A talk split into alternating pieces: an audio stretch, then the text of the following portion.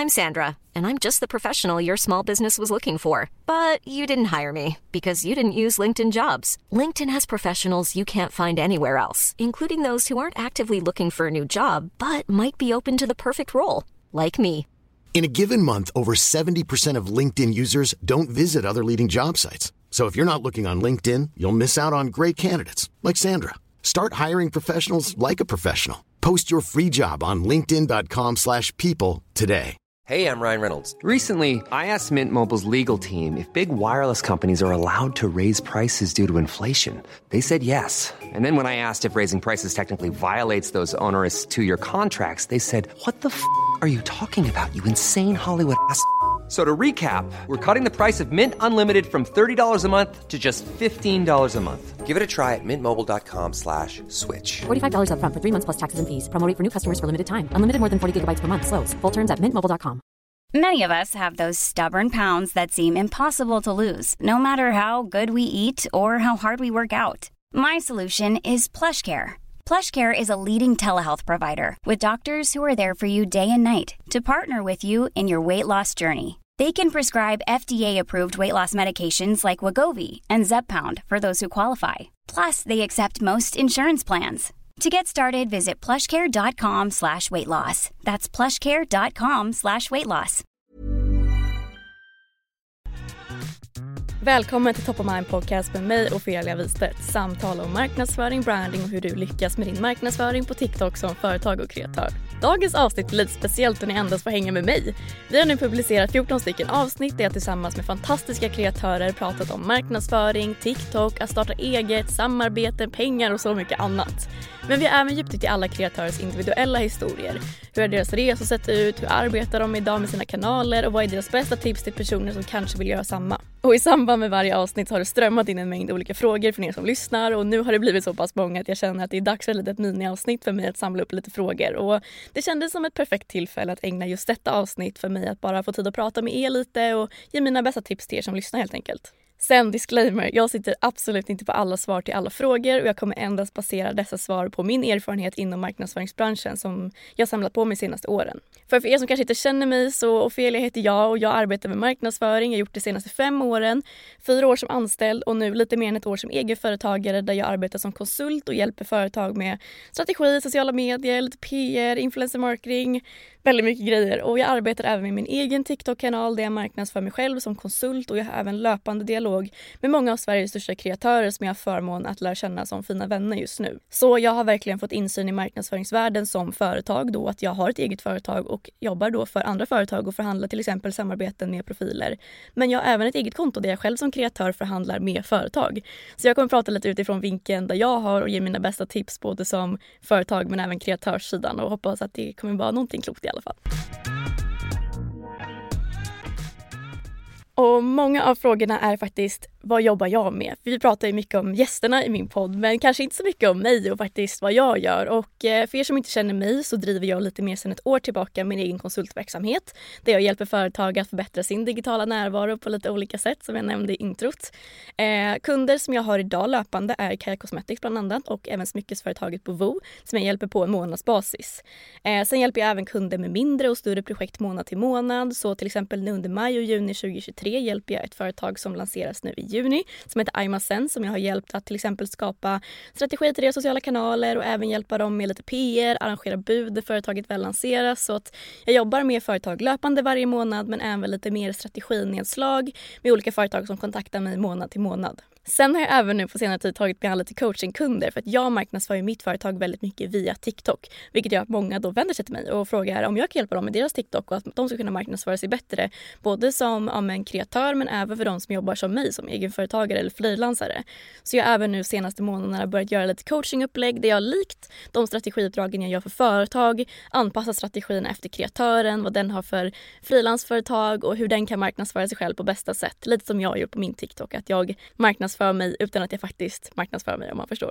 Så generellt bara hjälper frilansare och egenföretagare att eh, kunna marknadsföra sig lite mer strategiskt för att ja, sälja mer samarbeten eller kunna attrahera mer kunder.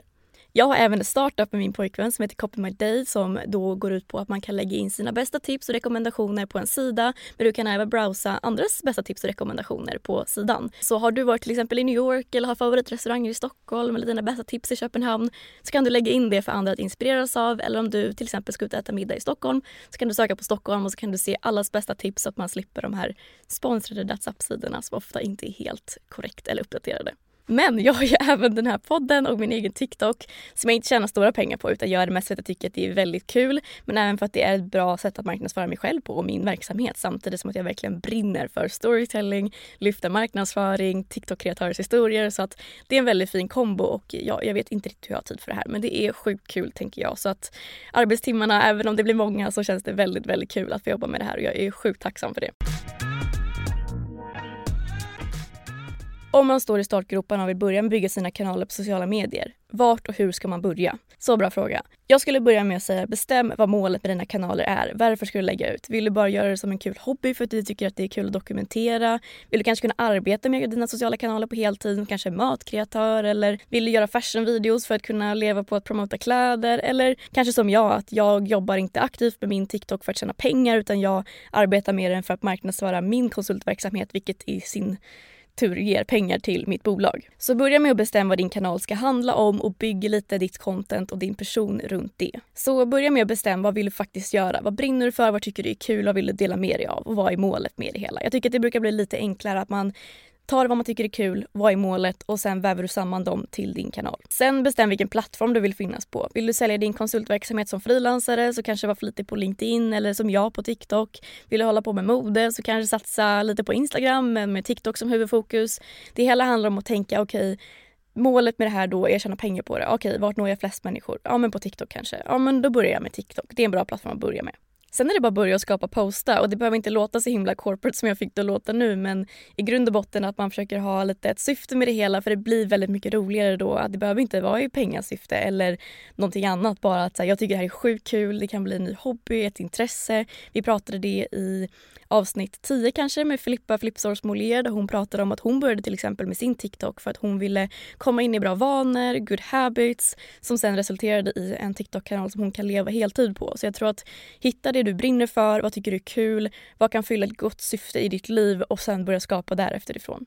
Och låt det ta tid att hitta ditt koncept. Få har från början, eh, från den första video, hittat ett koncept som de fortfarande håller på med idag eller vad som kanske blev en framgångsfaktor för just den kreatören eller dig. Så våga testa dig fram och se vad du gillar att skapa, vad gillar din publik att se och sen utveckla efter det. Jag till exempel la ut en första vlogg som fick 100 000 visningar från att jag hade fått typ 500 visningar innan det och då var jag så här: okej okay, toppen. Det här spåret ska jag fortsätta på och det har jag gjort nu senaste året. Så att våga testa dig fram. Du kommer inte få en miljon visningar på allt men våga se vad som funkar och utveckla de koncepten och skapa bara material du tycker är kul. Hur vågar man börja jobba med sociala medier eller som frilans och vad finns det för för och nackdelar med att fakturera via till exempel ett företag som Frilansfinans versus att starta ett aktiebolag? Jag har fått så mycket frågor gällande just här faktureringsdelen och hur man faktiskt vågar och gällande hur man bara vågar.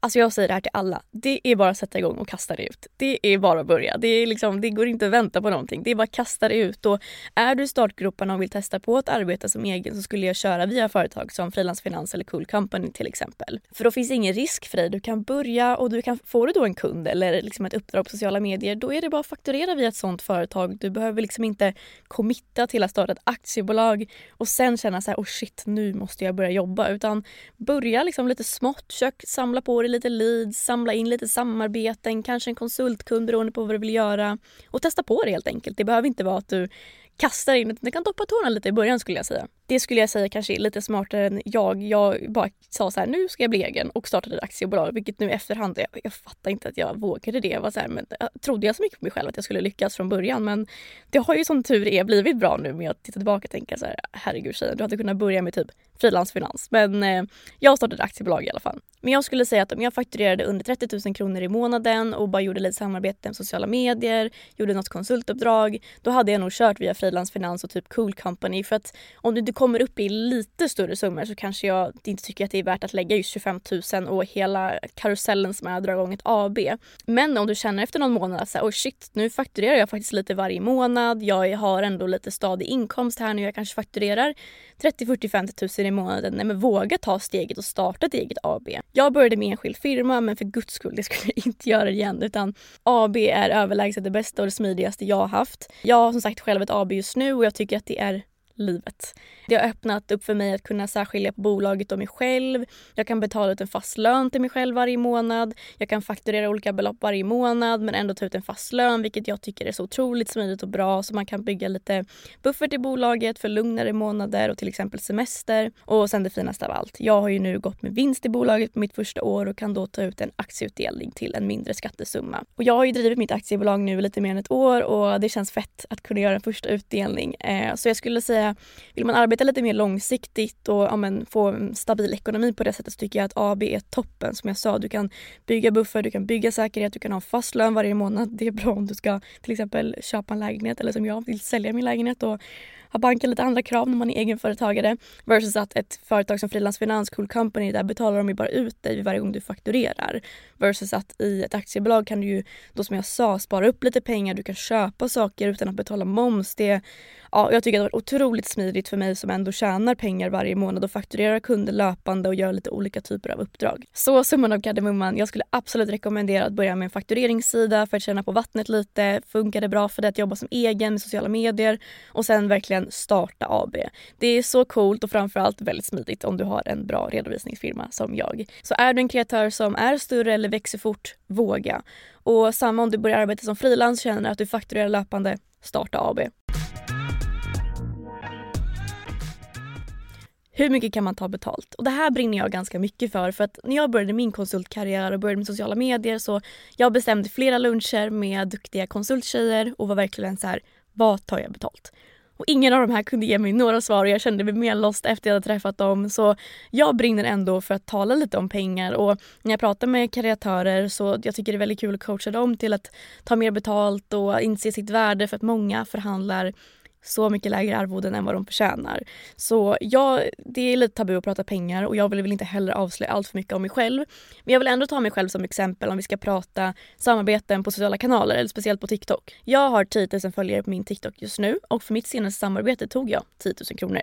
Och när företag då hör av sig till mig så brukar de sätta en budget för någon med min följarskara och det kan ju vara allt från typ 1000 kronor till 3000 kronor. Men här tycker jag att det är väldigt viktigt att man som kreatör har koll på sin egen statistik. Jag brukar berätta för företagen som då kontaktar mig och säger så här, du kan få 1000 kronor från TikTok. Då säger jag, ja men absolut, jag har 10 000 följare men om ni tittar på mina videos så snittar jag mycket högre visningar än vad jag har följare. Och när jag spelar in detta poddavsnitt, så om man tittar på mina senaste videos så har jag nu 22 000 visningar, 54 000 visningar, 73 000 visningar, 21 000 visningar, 29 000 visningar, 30 000 visningar. Det är mina senaste videos och det är mycket mer visningar än vad jag har följare.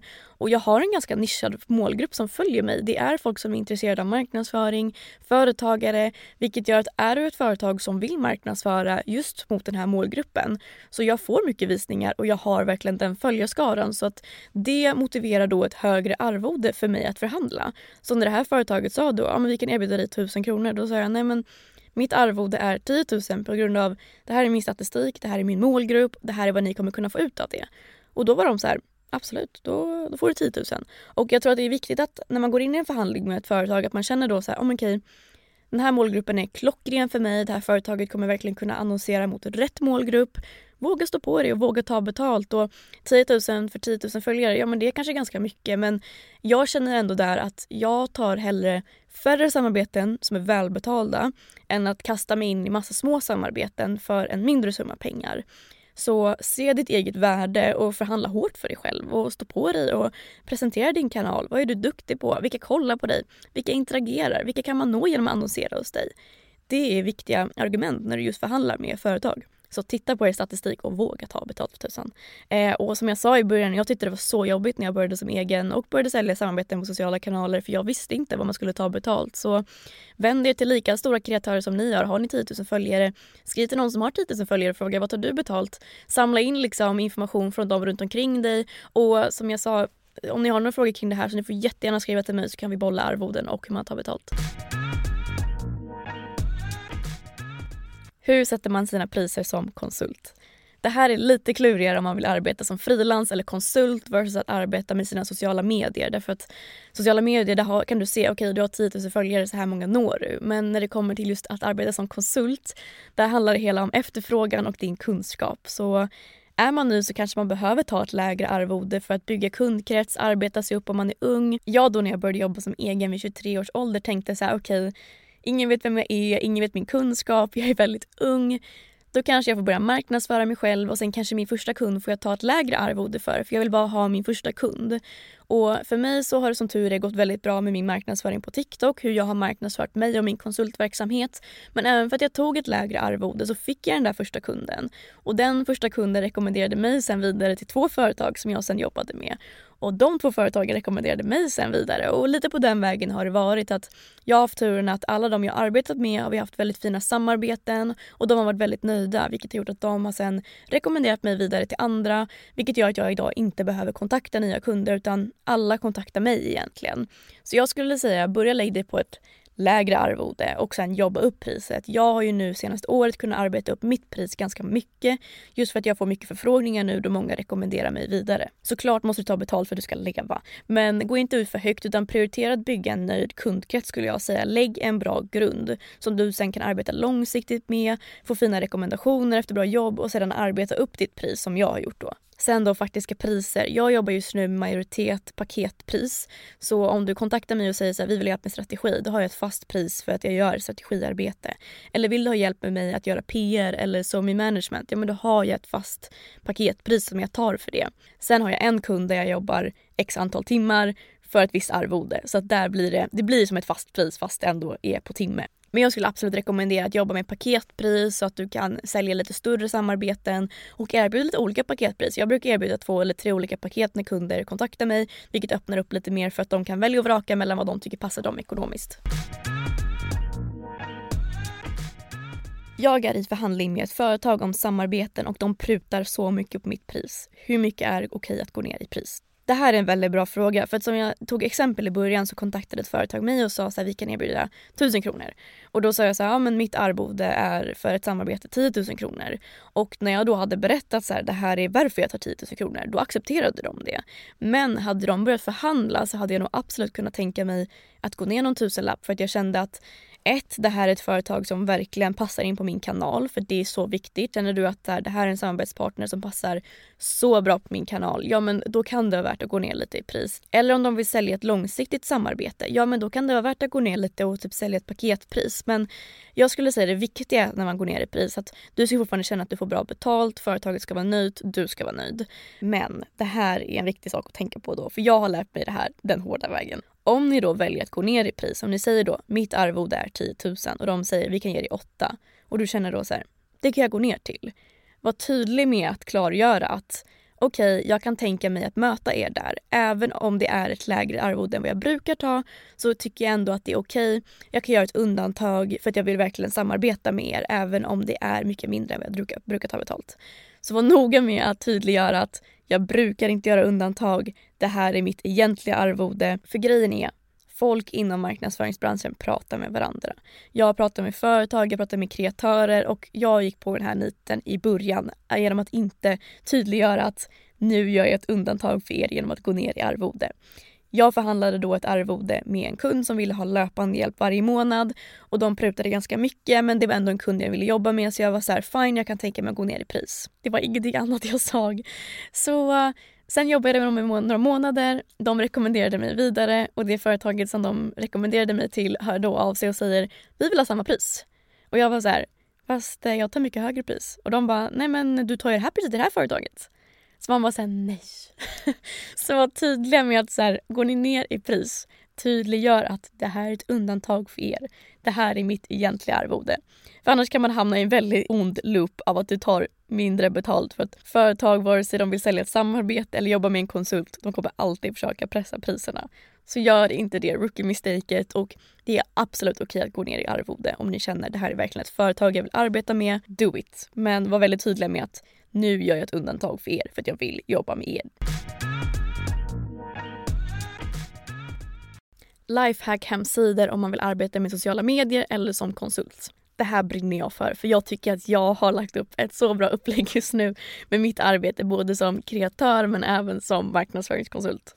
Först och främst så samlar jag hela mitt liv i Notion. Jag har en vanlig kalender, jag har en content-kalender, jag har en weekly to-do, jag har en customer to-do, jag har en poddsammanfattning där jag samlar allt det. Notion is your best friend tycker jag. Så se till att du planerar, skriv ner allting. Har du förhandlat ett arvode med en kund, skriv ner det. Har du förhandlat ett samarbete, skriv ner vad ni har sagt. Vad var det för arvode tidigare? Så att du bara håller koll på allt och kan vara professionell. Sen även som då man jobbar med marknadsföring, later tycker jag is your best friend. Du kan schemalägga allt från Instagram-inlägg till Instagram Reels, till TikTok-inlägg, till Pinterest, LinkedIn. Jag använder det till alla mina kunder och det är så sjukt smidigt för att kunden ska kunna få översikt och för att jag ska kunna jobba till och med en månad i förväg med att schemalägga inlägg. Sen gällande att redigera material, jag redigerar alla mina TikToks i CapCut. När jag jobbar med kunder så brukar jag redigera antingen i Photoshop eller Premiere Pro. Men när jag gör enklare uppdrag nu så har jag börjat gå över till att göra lite i CapCut. Framförallt mina egna TikTok-videos gör jag i CapCut. Så smidig plattform, jätteenkelt att redigera videos. Jag har ju länge jobbat i Premiere Pro och gör det för majoriteten av mina kunder för att du behöver lite mer ja, men, skillade funktioner som inte finns i CapCut. Men alltså vill du redigera enklare videos så det ska gå snabbt, gör det i CapCut. Varför får några av mina videos 200 visningar och vissa får 10 000 visningar? Ja, det här har ju att göra med TikToks algoritm som ständigt förändras. Och jag tycker att det här är väldigt intressant och vi pratade även om det här ganska mycket i avsnittet där jag pratade med Märta Rasch. Eh, för jag tycker hon är sjukt duktig på att ha en hook i sina videos. Och det är det absolut viktigaste om man kanske har ojämna visningar. Att se till att du har en hook på alla dina videos. För som algoritmen har funkat ganska länge nu är att när du publicerar en video så absolut du har din följarskara som kommer kanske få upp din video i deras följarfeed men de flesta av oss är ju inne och scrollar på For You. Och när en video publiceras så slänger TikTok-algoritmen in videon i då For You. Och eh, om vi säger då att du får upp den här videon och du tittar på den. Vi kan ta mig som exempel. Säg att jag publicerar en video och min video visas för 10 personer. Om alla de här 10 personerna skiter i att kolla på videon, de scrollar förbi den så fort de ser den. Då kommer TikTok känna så här: okej, okay, shit det här var ingen bra video. Och då kommer den inte få mycket visningar. Men har du en hook i videon så att när man scrollar på For You man känner så oj shit vad hände här? Och att man kollar vidare på videon.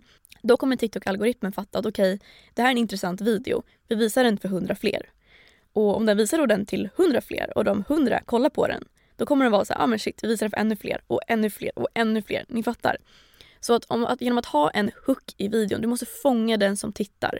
Jag försöker alltid på en, två sekunder ha väldigt snabb klippning. Att jag verkligen säger det här händer i videon. Kan du ha någon cliffhanger? Kan du visa vad som händer? Kan du skapa intresse?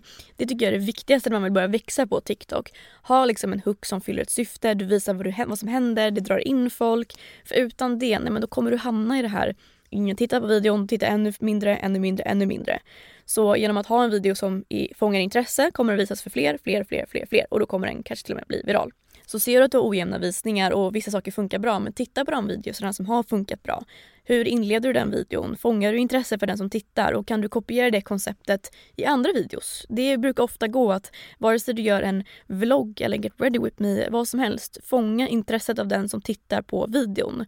Det tycker jag verkligen har varit en framgångssaga för mig, företagen jag jobbar med och de kreatörerna jag pratar med. Där är det sjukt viktigt med en bra hook.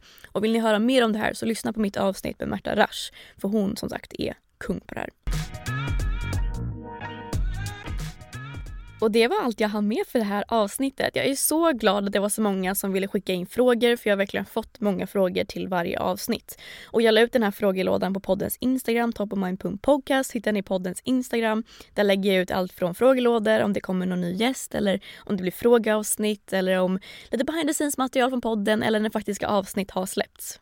Så se till att hänga med på poddens sociala medier och skulle ni ha några fler frågor eller funderingar på de här ämnena eller kanske ännu fler frågor till framtida frågeavsnitt så slida in i mitt DM på min privata Instagram eller TikTok eller på poddens Instagram eller TikTok så ska jag göra det bästa jag kan för att svara och så hoppas jag att ni har gillat det här avsnittet så hörs vi nästa vecka med en ny spännande gäst som ni inte kommer vilja missa.